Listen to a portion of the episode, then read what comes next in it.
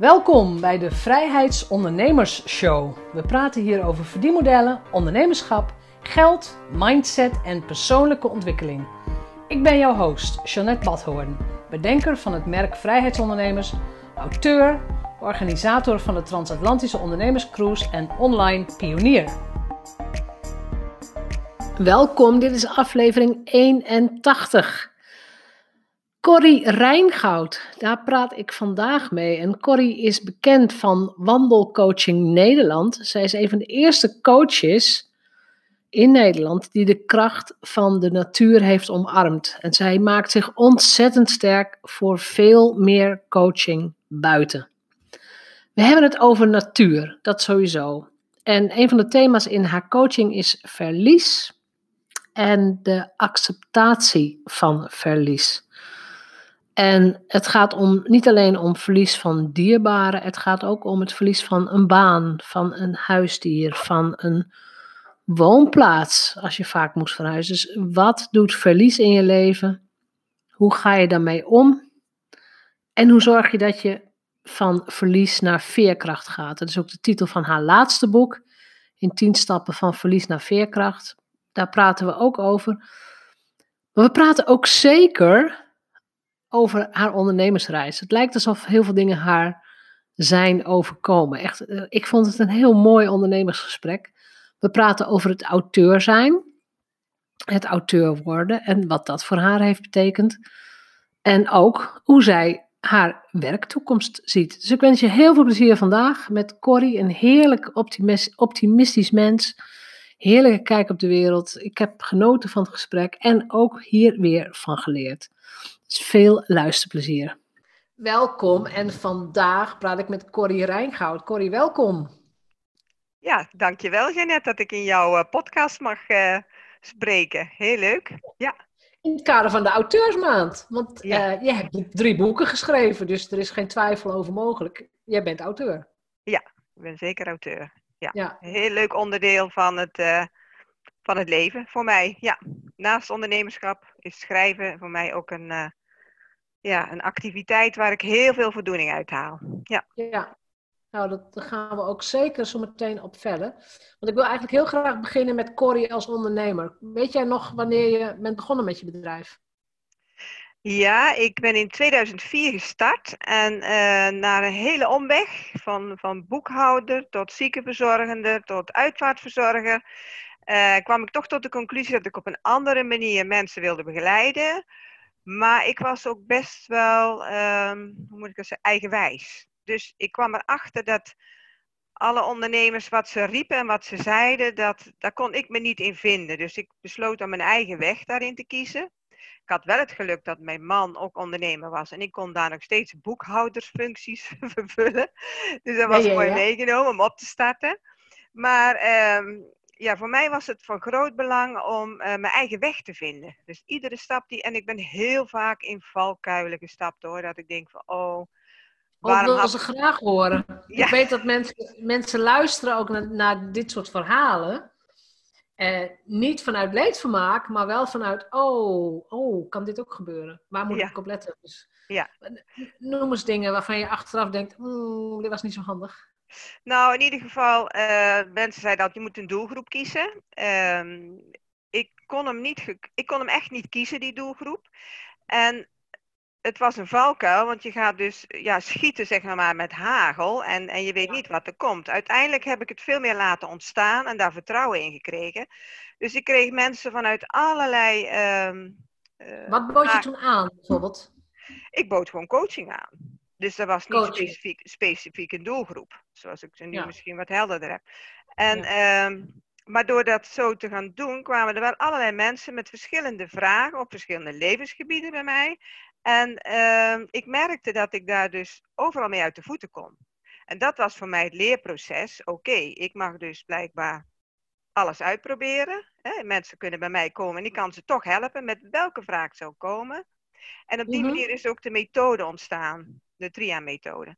ja, ehm, dat is je eigen methode. Ja, en het was dus een valkuil om geen uh, doelgroep te kiezen, maar tegelijkertijd ben ik er toch doorheen gekomen en is er voor mij een, een manier ontstaan waardoor ik zag van hé, hey, maar ik kan mijn aanpak, dus op verschillende terreinen inzetten. En dat was het en voordeel is het, van. Is het ook door die verschillende soorten klanten dat jij je methode hebt kunnen ontdekken? Ja. Want ik gebruikte dus bij iedere vraag de, dezelfde stappen. Daar kwam ik dus gaandeweg achter. Hé, hey, verhip, dit werkt heel goed. Wat doe ik nu eigenlijk? Dus ik ben mijn eigen aanpak gaan bekijken. Uiteindelijk Ja. gaan beschrijven. En eh, het, bleek, het maakte dus niet uit met welke vraag. Of ze nou met een ondernemersvraag kwamen, een relatieprobleem of werkgerelateerd, maakte helemaal niet uit. Die stappen werkten voor ieder vraagstuk. En, Nou, dan ben eh, ik natuurlijk heel benieuwd. Wat houdt de TRIA-methode in dan? Nou, de TRIA-methode die eh, bestaat uit drie stappen. En allereerst ga je aandacht geven aan wat je wel wil.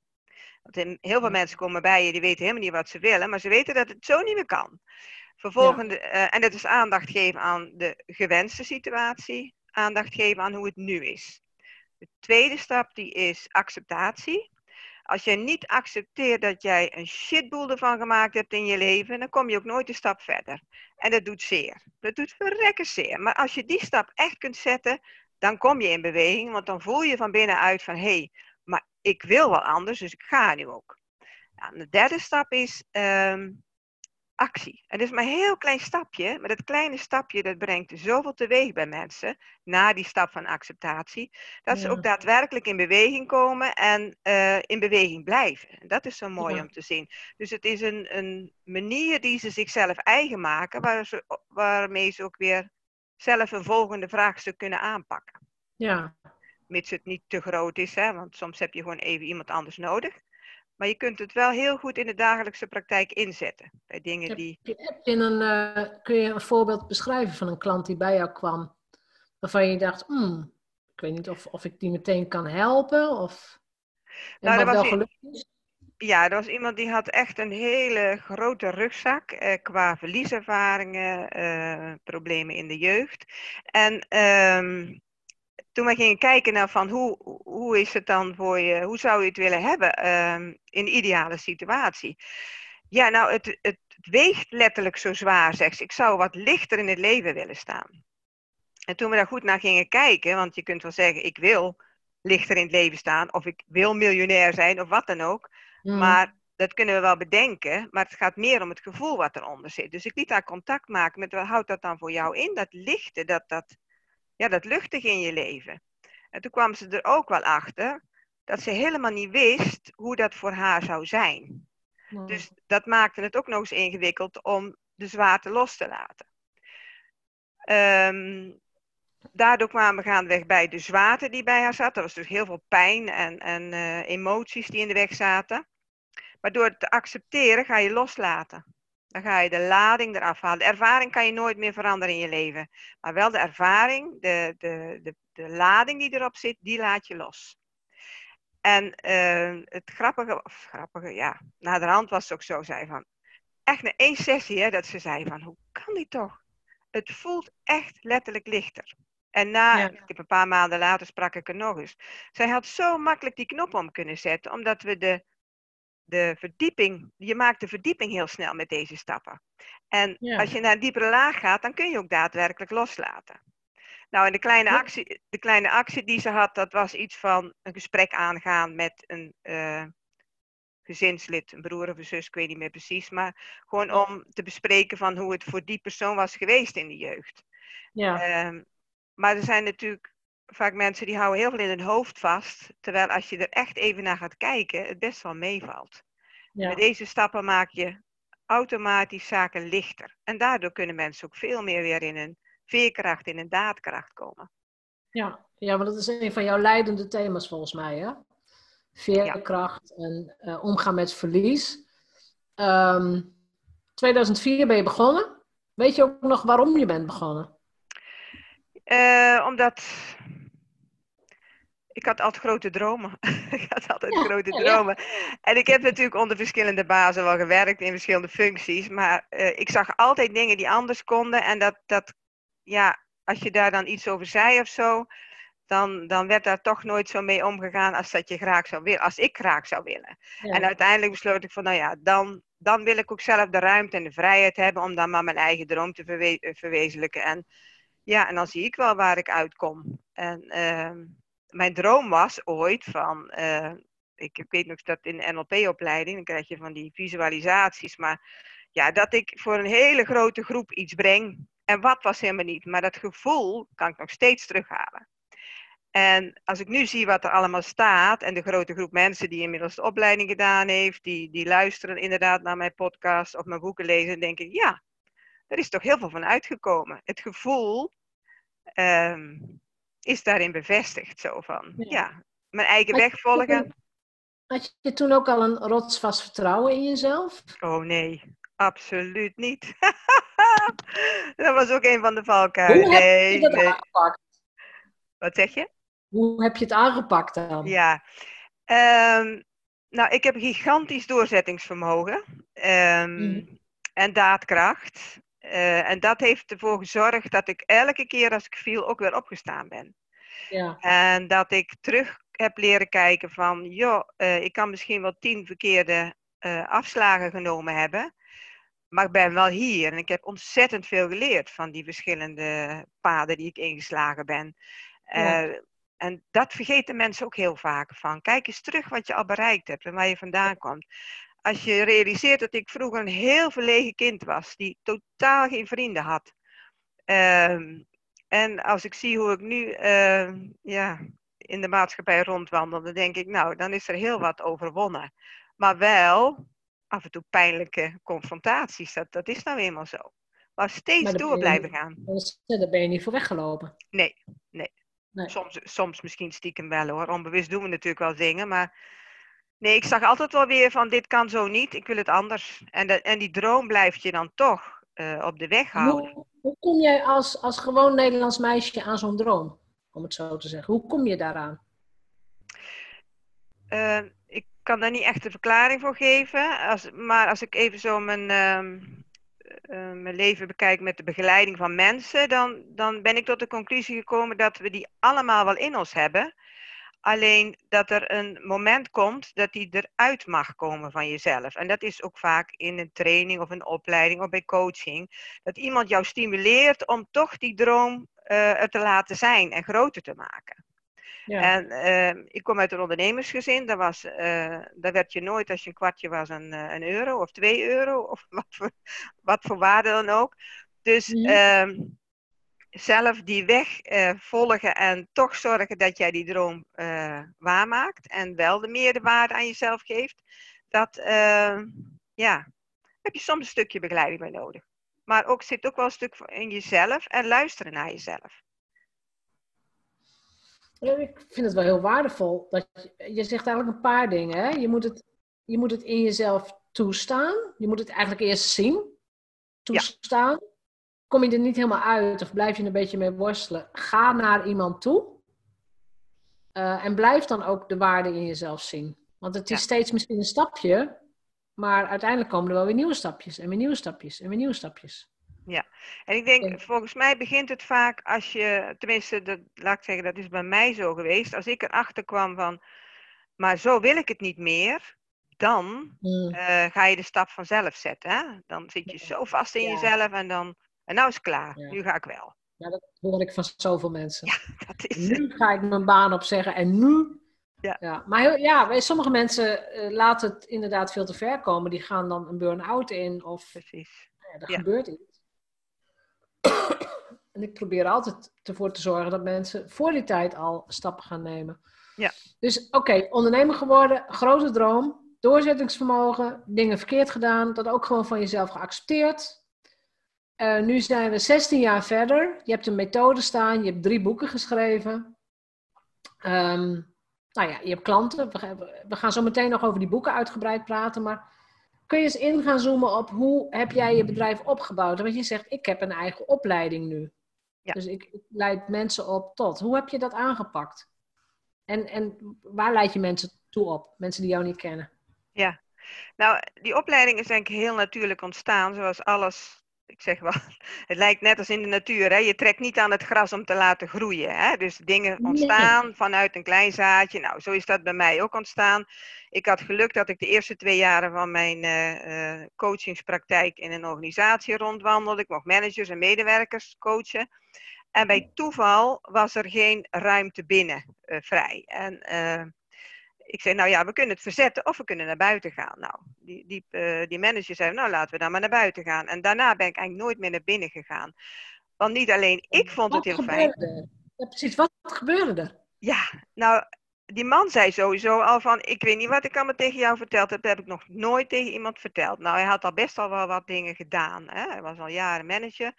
Um, maar het ging, en we hingen gewoon over een hek en stonden naar koeien te kijken, weet je wel. Het was heel, zo simpel en zo eenvoudig. En dat was voor mij ook uh, het, het wezenlijke erin. We hebben het zo moeilijk gemaakt in deze maatschappij. En gaan met elkaar wandelen. En hoe makkelijk maak je verbinding? En heb je een heel goed diepgaand gesprek. Nou, toen ben ik uh, natuurlijk gaandeweg steeds meer buiten gaan coachen met mensen. En er ontstond vanzelf dat stappenplan, wat ik je al eerder zei. Ja. En dat heb ik vastgelegd als merk en dat is de TRIA-methode geworden. Ja. Uh, toen begonnen mensen te vragen van, goh, dat is wel heel interessant. Kan ik dat bij jou ook leren? Ik denk, oh, dat is grappig. Ja, en zo is dus de opleiding ontstaan. Ik vind dat wel mooi, want eh, eigenlijk, het lijkt alsof het je overkomt. Ja, ja. Het is, het is, het, volgens mij is dat niet helemaal zo altijd, hè? want je hebt natuurlijk nog steeds je droom, dus je bent op weg. En ergens is er wel zo'n bril die je op hebt staan van, ja, hoe, hoe kan het groter worden? Hè? Uh, en ja. ik weet ook niet precies het moment wanneer ik dan gezegd heb van, nou laat ik er dan maar een opleiding van maken. Uh, maar er is een moment gekomen dat ik denk, ik ga die stap zetten, want daar komt dan weer het, de vraag van, had ik daar zelf vertrouwen in? Nee, want wie was ik die een opleiding zou kunnen neerzetten? Ik bedoel, hè? Waar, waar, moest dat vandaan komen? Toch heb ik het gedaan en met vallen en opstaan inderdaad. Alhoewel dat was minder vallen al, dus het, het ging eigenlijk best wel goed. Uh, ja. ja. is dat toch neergezet. En natuurlijk, je stuurt steeds bij, je evalueert en er zijn allerlei uh, deeltrainingen gekomen. Hè? Allemaal coaching in de natuur, maar met een thema eraan. En uh, nu in het najaar starten we al met, ik ben samenwerking aangegaan. Um, om het nog groter te laten groeien en zodat ik een beetje naar achter kan stappen. Ik ben ook 63. En, um, en nu gaan we de wandelcoaching als professie uitzetten. Dus er komt er een hele nieuwe opleiding. Die uh, nog meer afgestemd is op de nieuwe regels van, of nou ja, de, de volgens ons komende regels op het gebied van coaching. Dat die hè, wat ja. uh, nog meer geprofessionaliseerd worden. Ja. Dus, uh, ja, want ja. Heb, je, heb, je, heb je ook ingangs, hoe zeg je dat, um, toelatingseisen? Als iemand, want je wordt dan bij jou wandelcoach, als ik het gewoon even makkelijk zeg. Tria wandelcoach wordt je, je krijgt ook de licentie, ja. Zijn ze al coach als ze bij jou komen? Hebben ze al iets gedaan? Nee, wij hebben in principe geen uh, toelatingseisen. Um, nou, we hebben twee soorten. We hebben een master, die is echt voor mensen die al meer ervaring hebben. Uh, psychologen, maatschappelijk werkers, managers, noem maar op, hè, die al echt al coachingservaring hebben. Maar in die andere opleiding, van die achtdaagse, daar zit een heel gemeleerd gezelschap. Dat zijn mensen die nog nooit gecoacht hebben, maar ook psychologen, maatschappelijk werkers. Dus maar net waar de voorkeur naar uitgaat. Sommigen zeggen, nou, ik wil dat toch liever acht dagen doen dan vier dagen. Uh, want je gaat natuurlijk heel praktijk- en ervaringsgericht te werk. Dus je bent aan het oefenen als coach en als klant. Dus je wordt er helemaal mee gepamperd met die methode. En ja. uh, dat is de keuze van de, van de deelnemer dan, welke hij uh, ja. zij het fijnste vindt om ja, te doen. Nee, dat, maar het is dus niet zo dat je zegt van je moet ook coach zijn. Nee. En je krijgt met mij dat stukje natuur erbij. Nee, ze, mensen hebben echt een oprechte interesse om andere mensen te helpen. Door in de natuur te werken. Ja, echt in de natuur te werken. Ja. Is het alleen wandelen of is het ook, zitten er ook andere dingen bij? Of hoe moet ik dat zien? Nee, kijk, daar denken mensen wel eens... Sorry dat wandelcoaching alleen uh, wandelend coach is. Maar nee, wij gaan echt de natuur, elke, elk detail kun je gebruiken. Of er nou een kiezel verkeerd ligt, of uh, er is een sloot langs het pad, of uh, er staat een eik en een beuk naast elkaar en die vertegenwoordigt jouw relatie. Je kunt overal iets mee doen. En het mooie is, het reflecteren gaat veel gemakkelijker, ja. omdat je het dan niet over jezelf hebt, zeg maar even. Hè? Mm -hmm. En...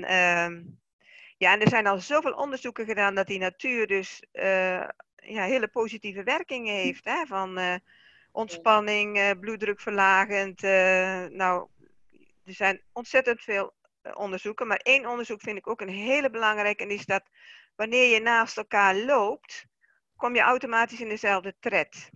En dat maakt dat je al meer verbinding voelt met iemand. Ja. En, uh, en die verbinding maakt dat je veel meer diepgang kan krijgen. En dat, dus dat matcht zo ontzettend goed met elkaar. Die methode en die natuur, dat, ja, dat gaat ja. eigenlijk heel simpel, zeg ik altijd. Simpel, ja. Simpel en eenvoudig. En daar hou ik van. Ja, hoeveel sessies heeft iemand gemiddeld genomen nodig om weer verder te kunnen? Dat ligt echt aan de vraag. Sommige mensen die komen één sessie en die zeggen, nou, ik, ik kan weer een tijd vooruit. En anderen die hebben echt langer. Soms worden ze gestuurd door de werkgever. Nou, dan heb je, spreek je af, schat je in van, nou, dat zes. Of, of ja, wij spreken meestal in uren af, dus dan kun je daarin variëren. Ene keer is twee uur, de andere anderhalf uur. Maar ik kan niet echt zeggen wat gemiddeld. Nee. En ik geloof daar Het zijn geen trajecten van maanden. Absoluut niet. Nee. Nee, nee. nee dat is heel goed. Dan het moment, want dat vind ik wel mooi, hè? dit is echt zo'n ondernemersverhaal. Je hebt een droom en je wilt, hè, je wilt wel iets groots, maar je hebt eigenlijk geen idee hoe je dat moet aanpakken. Maar jij hebt het vertrouwen gehad, ik laat het gewoon gaan. Ik werk hard, ik, ik zet door, ik leer van mijn fouten. En inderdaad, uh, eh, 16 jaar later kijk je achterom en denk je, nou, er staat toch echt wel een bedrijf. Ja, ja. Dat, dat is voor heel veel mensen, vind ik sowieso belangrijk om, om zich dat te realiseren. Want je hebt waarschijnlijk ook wel hard gewerkt in die jaren. Ik heb heel hard gewerkt. Ja, knoop dat in je oren als je luistert. Knoop dat in je oren. Maar goed, zolang het leuk blijft en, uh, en, en, niet iets onderlijdt of zo, dan, uh, dan is het helemaal oké, hè? Dan, uh, ja. ja. ja. Nou ja, ik hoor het van iedereen.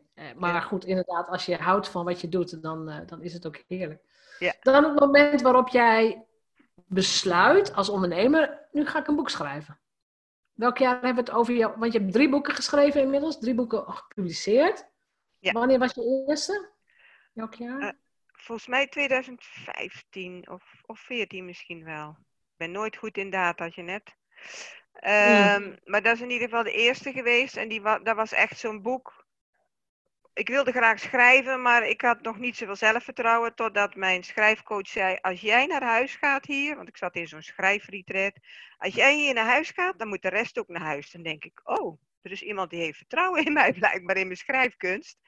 En, uh, dat, jij vond het niet goed genoeg, maar je schrijfcoach wel. Ja, ik, ik denk, ja, wat moet een wereld toch met mij verhalen, joh?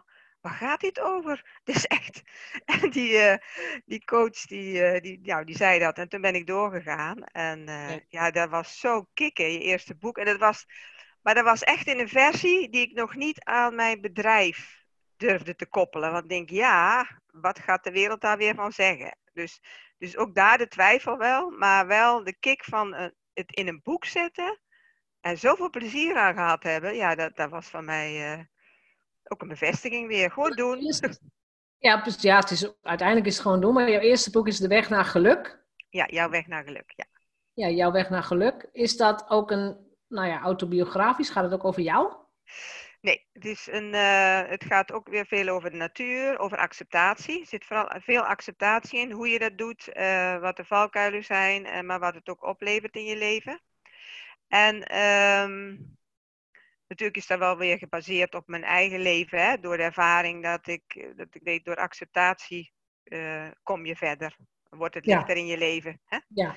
Wat er op je ja. afkomt, daar kun je niks aan doen, maar je, de manier waarop je ermee omgaat, daar heb jij zelf invloed op.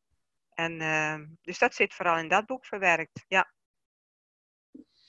En dat moest er toen uit? Ja, dat moest er echt uit, ja. Heb je goed gezegd. Ja, ja dat heel, heel vaak zo'n boek. Het moest er gewoon uit. Het moest eruit, uh, ja. Ehm. Het, het, is vooral meer persoonlijke op, uh, zelf willen boek op persoonlijke, ja, persoonlijke ontwikkeling. Ja. Ja, weet je, ik, ik, ik wil straks heel graag nog even weer verder op dat, op dat onderdeel acceptatie. Want ik wil gewoon even je boeken bespreken. Aandacht, acceptatie en actie is boek nummer twee. Ja, dat is nummer twee. Ja, wat, wat is daar de kern van? Dat is echt uh, de drie stappen en uh, heel praktisch ingericht, zodat je als, want het is echt voor de professional, hè, om uh, deze methode in te zetten bij je begeleiding. En dus is heel, ehm, staat vol met praktijkvoorbeelden, met tips, ook meer met valkuilen, wat je daar dan als coach waar je op moet letten en wat je eraan kan doen. Um, En natuurlijk, wel een stukje achtergrond over de acceptatie en eh, wat aandacht inhoudt en, en hoe de actie in elkaar moet zitten en wat dat betekent. Dat je de mensen ook Ja, zeg maar, een stuk daadkracht en veerkracht meegeeft door ze in actie te laten komen, maar wel heel klein te houden. Ja. Eh, dus, dus, dus echt de methode zoals die ook gegeven wordt in coaching en opleiding eh, is daarin beschreven. Dus dat is een. Ja. eh, dus het boek heb je pas kunnen schrijven nadat jij je eigen methode hebt ontdekt. Ja. Ja. ja. En dit boek had ook niemand anders kunnen schrijven, want het is echt jouw methode. Dat kan Nou, dat is niemand. belangrijk voor mensen om te weten. Hè? Want soms, soms weet je gewoon nog niet precies hoe je jezelf gaat ontwikkelen. En dan ineens heb je iets te pakken. Maar dan moet je wel doorpakken. Want je had Ja. ook kunnen zeggen, oh, ik heb iets ontdekt. En eh, nou ja, weet je, laat maar. Ja. Nee, je hebt een methode. De methode heeft een naam. De methode is vastgelegd. Dus die Ja. is geregistreerd bij het merkenbureau, denk ik dan ook. Ja, ja. Jouw methode. Het is vooral ook jezelf serieus nemen. En weet je, dat, dat is voor mij ook best wel een weg geweest. Want de hele wereld om mij heen nam mij al serieus. Man, wat heb jij neergezet? Wat is dat een mooie methode? En wat werkt die goed? En wat heb ik er veel aan gehad? En weet ik veel wat je allemaal te horen krijgt. Maar dan nog is de stap van, oh, vind ik dat ook van mezelf? Dat het een goede methode is. En mag ik hem inderdaad Ook beschrijven? acceptatie, hè? Dat is ook acceptatie, ja. Ja, ja die komt steeds Ja. terug. Ja, ja. komt steeds terug. Het is wel een belangrijke. De, de, inderdaad, het accepteren van, in dit geval, van je eigen grootsheid. En dan, Ja. ik bedoel, ik zeg het even gewoon in algemene woorden, maar het accepteren van het feit dat je gewoon echt ergens heel erg goed in bent. Ja. En dat je iets van waarde hebt voor andere mensen. Ja, en ook geloven dat je, ehm, dat je er in de wereld iets mee neerzet. Hè? Dus dat je voor de wereld iets kunt betekenen. Dat, eh, Ja. eh, waar ik zei van, ik, ik vind het, dat mensen het zo moeilijk gemaakt hebben. Het is, wordt allemaal zwaar en donker gemaakt. Maar laten we het heel klein houden, heel simpel en ook heel licht maken. Hoeveel, hoeveel fijner wordt het dan? Hè? In onze omgeving Ja, al of in wat we doen. Ja. Dus dat, dat is, eh, en dat is nog steeds mijn drive hoor. In alles wat ik doe. Dus, en dat zit er ook in verwerkt. Dus want je kunt iets moois hebben volgens mij, maar ehm, als het alleen voor jezelf is, dan heeft het volgens mij ook minder waarde uiteindelijk. Je wilt Ja. toch als ondernemer ook iets in de wereld betekenen. vind ik het ook een soort hobby, als het alleen maar voor jezelf is. Dat, ja. Dat, ja, dat is ook de bedoeling. Heb je, heb je ook rolmodellen? Heb je mensen waar je, nou ja, waar je aan spiegelt of die je bewondert? Nou, een van mijn groot is altijd wel geweest eh, Anthony Robbins. Daar heb ik wel wat. eh, ja, daar heb ik wel een soort connectie mee voor mij, in mijn beleving. Daar heb ik ook een training bij gedaan. En Mhm. ehm, ja, verder altijd wel. eh, wat me altijd trekt is een, de, de grote raden, zeg ik maar. Een Martin Luther King of een Nelson Mandela. Er zijn toch altijd wel mensen die me heel erg aangesproken hebben en nog aanspreken. Ik denk, en eh, Moeder Teresa, weet je wel, met, met hele simpele dingen. Zoveel veranderen in de wereld. Dat zijn toch wel. Ja, die hebben me altijd weer geraakt. Ik kom altijd wel weer een keer eh, om de bocht, zeg maar. Dus dat. eh, Ja, want wat zijn, wat zijn hun gemeenschappelijke kenmerken? Doorzettingsvermogen? ja, doorzettingsvermogen en gaan staan hè, voor wat je wil brengen. Gewoon gaan Staan staan. voor wat je wil brengen? Ja. Ja. Eh, en, en, en doen, gewoon doen.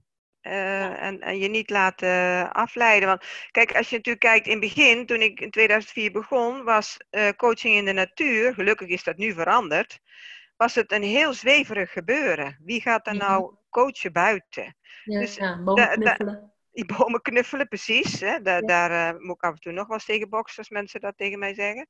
Maar Ja. ik denk, oh, maar het is zoveel meer, weet je wel. En dat, daar heb ik ook af en toe wel aan gedacht. Hoe, mijn gut, hoe kan ik hier toch al die mensen meekrijgen? Dus die drive om die mensen naar buiten te krijgen. Ja, Ja. Dat, dat, dat zat erin en dat moet je blijven doen. Als je afzwakt, dan... Je- misschien ben je een soort terrier hoor, dat weet ik niet. Maar hoe heb je dat gedaan? erover blijven schrijven, erover blijven vertellen. Eh, als ik ging netwerken met iemand, dan zei ik, kom, laten we lekker gaan wandelen. En dan ook weer net even benoemen van, kijk eens wat er gebeurt. Eh, iedere activiteit buiten uitvoeren. Eh, of het nou om een eh, workshop bij een bedrijf ging of zo. Ja, laten we het buiten doen. Ga eens, ervaren, ja. En dan kwamen er altijd hele verrassende eh, reacties achteraf terug. En denk ik, ja, het is zo simpel. Waarom, waarom, waarom moet ik daar zo'n heel verhaal aan hangen? Dat snapte ik dan ook gewoon niet. Nee. Iedereen weet het, als je gaat wandelen, 80, 90 procent van de bevolking zegt, joh, zit je niet lekker in je vel? Ga toch eens lekker wandelen. Maar als je het dan gaat, gaat koppelen aan iets professioneels, dan is het ineens vreemd of zo. Ja. Nou ja, zeker ook als je zegt van ik doe het bij bedrijven. Ja. De normale coaching is gewoon in zo'n hokje tegenover elkaar. En, uh, en dan zit je dan ja, in nou, een niet is... omgeving. Het is wel aan het veranderen hoor, gelukkig wel. Ja. Ook door de onderzoeken die natuurlijk veel gedaan zijn de afgelopen jaren. Dat maakt allemaal uit, hè? Dus uh, daar ben ik wel heel blij mee, ja. ja. Nou ja, dat helpt jou ook, hè? Als andere professionals zeggen, kijk, het werkt gewoon echt beter. Uh, waar hebben we het dan over? Ja, precies. Ja. Jouw derde boek is vorig jaar verschenen in 10 stappen van verlies naar veerkracht. Ja. Wat maakte dat dit boek eruit moest? Uh, nou, ik heb zelf natuurlijk in de uitvaartzorg gewerkt en ben uitvaartspreker geweest. En um, dat, ja, dan lijkt verlies, als je ook over verlies hebt in de volksmond, is het vaak verlies van een dierbare. Maar um, als ik in mijn eigen leven terugkijk of in, in, de levens van de mensen die ik begeleid heb, denk ik, ja, maar verlies is zoveel breder. Hè? En dan zeggen mensen als, ja, ik, moest, ik was domineeskind, zei iemand, ik moest vroeger wel negen keer verhuizen. Denk je dat daar een verlies zit? Um, of ja, ik heb mijn functie verloren, daarom en daarom. Mensen stappen heel makkelijk over iets heen, maar dat gaat zitten, dat stapelt zich op. En dan komen ze op een gegeven moment bij je met een werkgerelateerde vraag en dan blijkt dat er nog drie verlieservaringen onder zitten. Dus voor mij was het een, een, een um, ja, een, ik denk van, hier mag wel meer over naar buiten komen. Van, dat je dat serieus mag nemen, dat, dat het pijn doet. Ook als je je huisdier verliest. Of, uh, ja, er zijn zoveel uh, terreinen waar je verlies kunt leiden. En mensen die zien dat niet zo, dus die stoppen het heel makkelijk weg hangen niet de vuile was buiten. Er wordt, wordt inderdaad snel gezegd van ja, nou ja, het leven gaat door. ja. Oké, ja, dan gaan we precies. verder. En dat wil zeggen dat je het serieus neemt. En ook daar kan de natuur weer heel erg in bijdragen. Hè? Want als je naar buiten gaat, dan raak je in ontspanning. Je laat makkelijker los. En de natuur spreekt voor zich. Daar is acceptatie zo groot. Je maakt van een ei geen beuk. Dus ja, eh, je wordt er gewoon mee besmet als je buiten loopt. Hè? Ja. Het regent als het regent en de zon schijnt. En ja, dus... Dat is geen item. Die vogel fluit gewoon. Uh, En die gaat echt niet denken: ja. die andere vogel die fluit veel leuker. Laat ik ook eens wat. Nee, die gaat gewoon door. Ja, maar we in de buitenwereld zijn we allemaal bezig om dingen weg te stoppen, te veranderen. Of ja. Dus dat, dat maakt dat het. Uh, ja, ik verval in herhaling, maar buiten gaat het makkelijker. Buiten gaat het makkelijker. En als je het hebt, want je zegt, verlies is heel erg, het is een heel veelkoppig monster. Hè? Er zijn heel veel soorten verlies. Dat, ja. dat snap ik inderdaad heel goed. Wat zou, wat, wat zou eigenlijk een van de eerste dingen moeten zijn die mensen zich moeten realiseren als ze het gevoel van verlies ervaren? Dat ze het de ruimte geven. Dat, ze, dat, ze, dat het er mag zijn. En dat begint al bij jezelf te bekennen van verhip ik heb mijn baan verloren en dat heeft, dat heeft heel veel impact op mijn leven, daar en daar en daar. En dat besef, uh, want er, er, zit een stap voor en dat is dat je erachter komt dat er verlieservaringen onder zitten. Want je zit natuurlijk vast in patronen over het algemeen. En als je mhm. vroeger niet gewend bent geweest om te praten over vervelende ervaringen, omdat dat niet mocht bijvoorbeeld, ja, hoe wil je dan nu ineens wel vertellen over, ja, maar ik ben mijn baan kwijt. Het leven gaat wel door, maar die doet wel zeer. Want ik had daar heel veel plezier in, bijvoorbeeld. Ja, het is jezelf toestemming geven om het er te laten zijn. En dan wordt het al zoveel lichter van. Dan krijg je al mhm. veel meer ruimte. Want dat wegstoppen kost energie. Nou, dat hoef ik jou ook niet te vertellen natuurlijk. Dus dat kost mhm. energie. En het uh, houdt je ook in een soort... Uh, ja, een soort harnas, waardoor je ook niet verder kunt met bijvoorbeeld een nieuwe leuke baan. Die zie je maar amper meer, door dat verlies. Als we weer over die baan hebben. Ja, ja het, het, het lijkt alsof je inderdaad gewoon tijdelijk in een soort, um, een soort weet ik veel, een bubbel zit of zo. Dat de wereld ineens heel klein is. Ja. Ja. En wat is, de, wat is het beste wat je kunt doen als je, als je zelf denkt, hmm, zonder meteen, mensen zullen niet zeggen van ik ben in de rouw omdat ik mijn baan ben verloren. Of ik ben in de rouw omdat mijn huisdier dood is gegaan. Dat, dat, dat voelt voor heel veel mensen, dat is te zwaar. Ja. Hè? Je bent in de rouw als je een dierbare verliest, een mens. dat wordt dan algemeen geaccepteerd. Ja, dat is duidelijk hè, naar de buitenwereld. Ja. Nou ja, wat je, wat je zelf kan doen is natuurlijk altijd beginnen met het op te schrijven of het gewoon al uit te spreken. Maar ehm, dat, dat kan al lastig zijn. Of tegen iemand die je toch vertrouwt. Hè? Dat, je, dat je toch het begint. Want acceptatie is, uh, of uitspreken is al een vorm van acceptatie. Want als je het altijd binnen hebt gehouden en het mag ineens eruit, dan krijgt het een lucht en dan heeft het dus ook betekenis. Ehm, dus opschrijven of, of uh, het uitspreken, dat is al een eerste begin.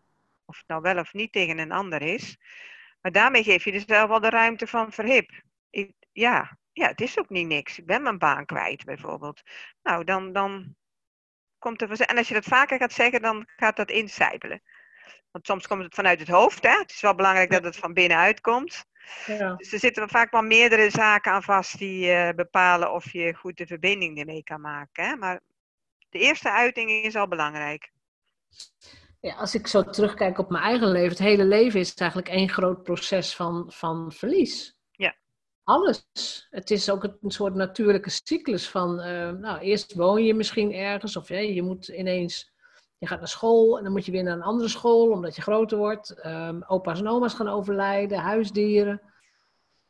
Het is, het is alleen maar ja. Vind ik. En, en gelukkig komen er ook heel veel mooie dingen bij. Hè? Op een gegeven moment krijg je weer kinderen, je krijgt weer nieuwe vrienden, of wat dan ook. Maar waarom zou, ja, ik zit, ik, soms verbaast het mij zo. Hè? Waarom is, zijn dit soort vaardigheden, of hoe zeg je, ja, hoe zeg je dat zelf kennen, of wat dan ook. Waarom zou dit niet gewoon een vak op school zijn? Want het is omgaan met tegenslagen, omgaan met wat dan ook. Ja, dat is een hele goeie. Misschien kan daar nog iemand voor opstaan. ja, je ontkomt er echt niet aan. Je gaat er, niemand ontkomt er eraan. Dat is, dit is gewoon, je wordt geboren. En vanaf dat moment uh, zul je heel veel dingen, mensen, dieren, wat dan ook verliezen. Ja. Dat. Is, dat is gewoon zo. Ja. Ja, dit is natuurlijk EQ, hè? En we zijn vooral gericht op IQ. En de, de EQ is veel meer dat soort zaken. Hè? Hoe, uh, oh, dit lukt niet, hoe ga je daarmee om? Oh, dit, dit, dit, dit eindigt nu, hoe ga je daarmee om?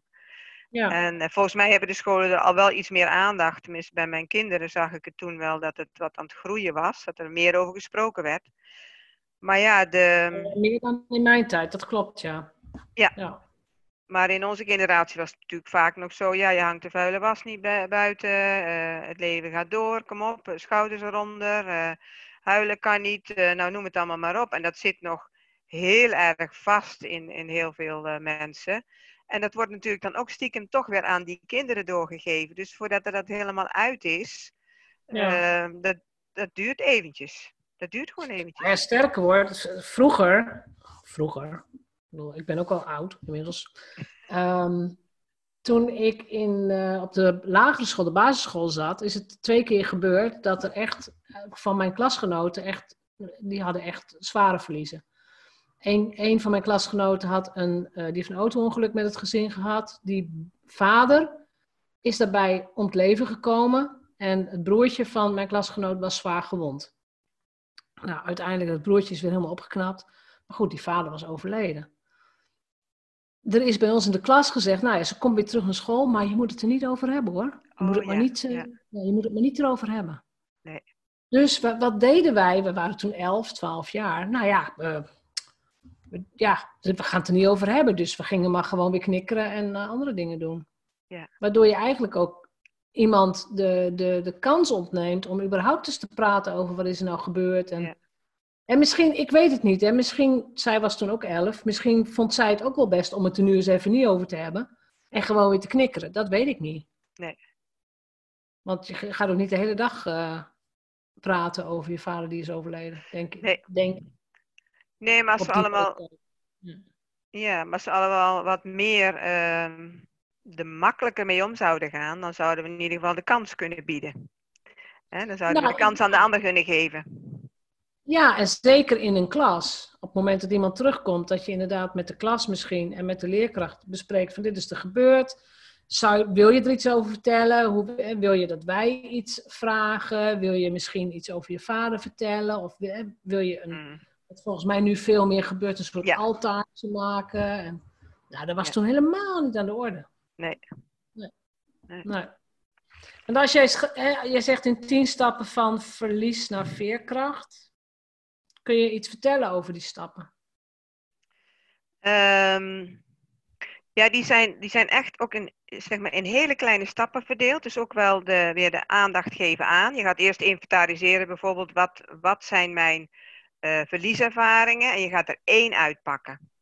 Uh, want mijn ervaring is als je één uh, verlieservaring pakt, dan kun je ook veel beter gaan kijken van wat verandert er nu in mijn leven. Want mensen vergeten wel eens, zeker als ze niet terugkijken, van wat heb ik nu gedaan waardoor iets een succes is geworden hetzelfde. Of wat heb ik gedaan wat niet heeft gewerkt. Nou, dan pakken we één verlieservaring. En daar gaan we van kijken van, nou, wat, wat zou nou dan inderdaad toch je ideale situatie zijn? Hè? Voor, voor, voor zover je dat kunt uh, visualiseren. Het blijkt dat mensen dat kunnen, alleen uh, ik geef daar natuurlijk ook wat tips voor, maar uh, soms werkt dat als een ander je nog een stukje helpt, want je remt jezelf vaak af in uh, wat is dan mijn ideale situatie. en vervolgens ook weer van hoe is het dan nu? En het gaat heel met verschillende vragen van ja, wat doe je dan nu? En wat betekent dat? En wat, wat merkt je omgeving daarvan? En wat zien ze dan aan jou? En wat mis je dan? En wat zou je anders willen? Um, en dan kan jij het contrast, het contrast wordt heel groot gemaakt. Um, ik weet ze zo even niet uit mijn hoofd, dus net al. Nee, je hoeft zo niet hoor. Nee. Meer de grote lijn, ja. Maar het gaat ook om een stukje support vragen. Want dat is wat mensen natuurlijk vaak, die zijn uh, stoer en sterk, hè, heel veel uh, mensen. En uh, ja, wat zou jou nou kunnen helpen? Is dat in de vorm van iets wat je doet of wat je vraagt aan een ander? Um, ja, en dat, dat zijn hele simpele dingen eigenlijk, waar mensen vaak zelf niet bij stilstaan. Oh ja, ja, ik zou best wel. Ja, maar iemand wil mij altijd meenemen naar de bioscoop, maar dat wil ik niet. Maar wat zou je dan wel willen? Kun je misschien zeggen van, goh, vraag eens op een andere manier aan mij wat ik nodig heb. Zo zijn er heel veel praktische tips ook weer in. Hoe je kunt, uh, kunt voor jezelf. Ja, ik zeg al, die verlieservaring gaat niet weg. Of de ervaring gaat niet weg, maar die lading ga je eraf halen. Dus er zit ook een stukje in van hoe kan ik emoties loslaten? Hè, Hoe kan ik daarmee omgaan? En uh, daar is ook altijd een regeling. Je krijgt nooit meer dan je aan kan. Want daar zijn mensen ook heel bang voor. Hè? Ja, als ik dat nu weer ga aanraken. Dat is al zo lang geleden, maar het zit me wel in de weg. Maar wat komt er dan allemaal? Dat valt altijd mee. Mensen denken dat, dat, dat ze dat niet kunnen dragen. Wij zijn heel sterk. We zijn echt heel sterk. Je krijgt nooit meer wat je aan kunt. En dat, dat gegeven is bijvoorbeeld ook iets wat dan gedeeld wordt. Want dan wordt het makkelijker voor je om, uh, om het ook om het aan te kijken en het los te laten. En er zitten dan ook weer tips in hoe je dat kunt doen met een werkvorm in de natuur bijvoorbeeld. Ja. Ja. ook een praktisch eh, boek. Ja, dat, klinkt inderdaad heel praktisch, maar dat klinkt ook als een, uh, nou, voor iedereen die nog misschien onverklaarbaar worstelt met, want je hebt het ook over verlies wat heel lang geleden is. Ja, dat kan. Ja. Verlies van je jeugd kan uh, nu weer opspelen als jij uh, een bepaalde stap niet durft te zetten. Of uh, niet voor jezelf durft te gaan staan. Of, nou, noem het maar op. En um, dat wordt ook heel vaak weggeduwd. Hè? Van ja, ja, ze wisten niet beter, mijn ouders. Nee, natuurlijk, je ouders wisten niet beter. Hè? Mijn ouders wisten ook niet beter. Maar dan kan je nog wel iets gemist hebben. En dat missen, dat is in feite de verlieservaring. Als je dat van jezelf serieus neemt, dan zijn je ouders niet minder om, maar dan kan jij wel verder in je leven met wat jij wil. Wat jij neer wil zetten. Toen jij een jaar of twaalf was, had je toen kunnen bevroeden dat je dit zou gaan doen? Nee. Oh, ik was ik, als twaalf, ik, ik was over het algemeen heel, ja, vaak wel ongelukkig. Ik voelde me ongelukkig vaak.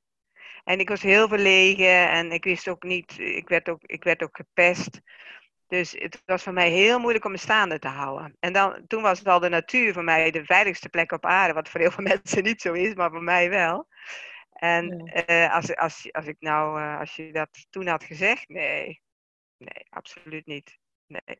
Wat, wat wou je toen worden? Had je een, een idee? Ja, ik wilde verpleegster worden. Ja, dat wilde ik. Ik wilde mensen helpen. Ja, dat mensen helpen zit er dus gewoon heel duidelijk in. Ja, dat wel. Ik was ook altijd aan het zorgen. eh, en als er een, een hondje op straat liep, ik dacht hij heeft geen baasje, dan was ik de redder wel. Zo. Dat, dat was, eh, was wel typisch Corrie op die leeftijd. Ja. Nou, dat is wel mooi, want je hebt nu ook iets gevonden waar je heel veel mensen mee helpt. Ja. Maar wat jij zei, je bent nu 63. Je, jouw, jouw werk kan straks voortgezet worden. Ja. Dus het, je kunt meer mensen bereiken met dat wat je ontdekt hebt. Ja, en daar ben ik wel heel blij om, Jeanette. Want eh, ik heb ook een, een tijd gehad dat ik dacht van, maar ik wil dit gewoon eigenlijk nog een paar jaar doen, maar niet langer. Hè? En ik, ik zag ook niet de mogelijkheden van hoe kan ik het dan eh, verder zetten. Want het hangt toch aan je naam. Ehm, en nu ben ik wel heel blij dat het toch doorgaat. Hè? Doordat ik wat Ja. achteruit ga stappen. Ehm, Want nu hangt het aan de methode. Het hangt aan de methode, eh, maar daar is natuurlijk niks mis mee, want die methode werkt heel goed. En, eh, is dus niet jouw naam. nee, maar goed, in het boek staat natuurlijk wel heel duidelijk eh, alles rondom mij. En daar, de tweede druk zijn we nu mee bezig en daar gaan we het ook anders opstellen, zodat mijn naam als schrijver er nog is, hè, dat ik eh, als auteur Ja. genoemd word en dat ik nog andere dingen doe, maar dat ik niet meer de hoofdpersoon ben bij Wandelcoaching Nederland bijvoorbeeld. Precies. En- ja. En, eh, maar daardoor kan het wel verder groeien en nog uitbreiden op bepaalde vlakken. Dus ja, daar ben ik wel heel blij mee. Daar ben ik echt heel blij mee. Ja, Maar dat kan ik me heel goed voorstellen. Want hoe cool is dat? Dat als jij zegt van hé, ik ben al 10, 20 jaar met pensioen straks. Misschien heb je dan helemaal niks meer ermee te maken. Dan zit je gewoon lekker, eh, weet ik veel, in je stoeltje muziek te luisteren. Ik noem maar iets. Ja. Maar ondertussen is dat bedrijf nog steeds mensen aan het helpen. Ja. Ja. Dat is, dat is toch echt cool. daar is het. Ja. Heb Ik je kan, nog een niet met boodschap? pensioen, ik kan nog niet met pensioen trouwens hoor. Dat was ik echt nog niet van Nee, nog plan. lang niet. Maar misschien, misschien komt er een moment. Nou, weet je waar daar, wie daar mijn voorbeeld in is? Ja? Dat is Jane Goodall. Die eh, met die apen Ja. en die chimpansees. Die is Ja. geloof ik 92, 93 en die chase toch de hele wereld over. Joh. Dat vind ik fantastisch. Ik ja denk, dat ja. wil ik ook. Er Dat is geen ik tijd voor pensioen, dat is, eh, dat is heel duidelijk. Ja, ja. Heb jij nog een. eh, nee, nog twee dingen wil ik graag van je weten. Heb je nog een advies voor luisteraars die misschien zelf een verlegen kind hebben? Ehm, heel veel vertrouwen geven. Dus ehm, vertrouwen geven dat het kind iets, het, het, kan. Hè? En wel stimuleren van ehm, zoek iemand op bijvoorbeeld. Of eh, ja, dat is ook weer afhankelijk van de situatie waar je natuurlijk als gezin in zit. Maar Mhm. ehm, wel benoemen steeds wat heel goed gaat. Vertrouwen geven in de, in de, ja, in de, in de kennis en de kunde die ze al hebben. Want dit hebben ze. Kinderen hebben gewoon al heel veel in huis. En Ja. vaak, vaak gezien wat er niet goed gaat of wat beter kan. Maar begin met bevestigen. Dit is, dit is wauw, dit kan je goed. Of ehm, eh, je komt er wel. Of dat, dat echt dat positief eh, benadrukken. Dat, Ja. dat zou ik als, eh, als eerste mee beginnen. Ja. Nou ja.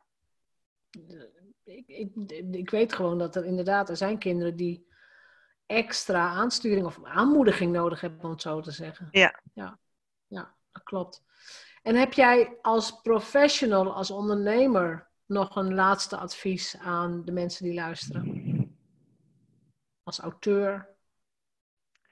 Nou, auteur zijn is heel belangrijk. Dus ik zou echt iedereen die een mooie boodschap heeft, ga hem delen. En Schrijf een boek. Ja. eh, schrijf een boek. En, eh, want al, al zou je er bij wijze van spreken een maar tien verkopen, het brengt jezelf ook heel veel. Je gaat nog veel sterker staan voor, voor je boodschap. Maar het is ook een heel mooi middel om jezelf te, te, meer te profileren, te verkopen, zeg maar, hè, neer te zetten. Ja. Ehm, het, je hele vak, je hele, je hele, ja, al, je hele, moet ik zeggen? Je staat gewoon echt veel meer als expert. Dat is het Ja. ook, hè? Je een boek Ja. geschreven hebt. En ehm, ja, als je een droom hebt, ga ervoor. En als je er zelf niet uitkomt, dan zoek iemand op. Ik heb in mijn leven heel veel mensen opgezocht van, joh, kijk eens mee, want eh, dit gaat niet de goede kant op en ik weet niet wat, maar kijk eens met mij mee wat ik aan het doen ben. En dat zou ik echt een stip willen geven ook. Ga, ga daar niet bij de pakken neerzetten of denk, het is toch niks voor mij. Ga er in ieder geval met iemand nog eens over praten. En kijken wat die dan voor jou nog voor input kan geven. Ja. En uh, ja. Nou, dat zijn hele waardevolle adviezen. Ja, ik kan er niet Ga voor je droom, uh, hoe dan ook. Is ja. niet linksom, dan is het rechtsom. En uh, zorg dat je de goede mensen om je heen verzamelt die je kunnen helpen daarbij. Ja. Vind ik echt, dat is sowieso. Is het ook, is het ondernemen ook, ja, misschien ook het leven, is het leven ook makkelijker geworden naarmate je ouder wordt? Ja, ja, ja, ja.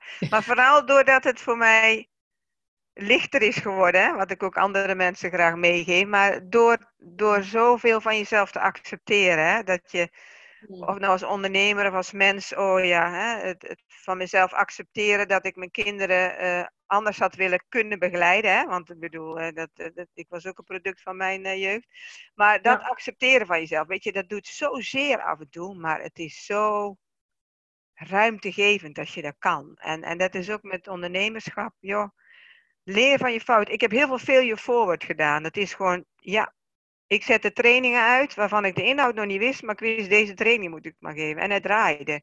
Gewoon omdat ik vertrouwen had van, het klopt wat ik van binnen voel. En ja. soms zijn er trainingen geweest die niet draaiden. En denk ik, oh, wat ging daar dan eigenlijk mis? Maar dat noem ik dan failure forward. Hè? Doe gewoon soms ook eens dingen. En dat je dan, ja, maakt helemaal niet uit. Het zijn zo, ja. ja. Dat hoort bij het ondernemerschap, hè? Ja. Mag ik jou heel erg bedanken, want onze tijd zit erop. Mag ik je bedanken voor het mooie gesprek en de inzichten? Nou, ja, ik vond het ontzettend leuk. Ik vond het ja, ontzettend nou, leuk, ja, dit. Mijn eerste keer. Oh, nou. ja. Misschien word je vaker gevraagd, geen ja. ik zal in de show notes uh, de link naar je website en naar de boeken zetten. Dan kunnen mensen die ook vinden. Hartstikke fijn. Uh, ik ben heel benieuwd. Je gaat nog lang niet met pensioen, dus ik ben heel benieuwd wat je de komende jaren nog, nou ja, bijna per ongeluk gaat ontdekken. Ik ja. weet het niet. Zo zou je het wel kunnen benoemen, ja. ja. Dankjewel. Ja, jij ook bedankt, Jeanette. Dag. Dag. Bedankt voor het luisteren naar de Vrijheidsondernemers Show. Geef de show een review op iTunes. Als vrijheidsondernemer werk je waar, wanneer en met wie jij wilt. Dat gun ik jou ook. Ik weet dat het kan. En bij de juiste keuzes is vrijheid ook voor jou mogelijk. Op jouw vrijheid!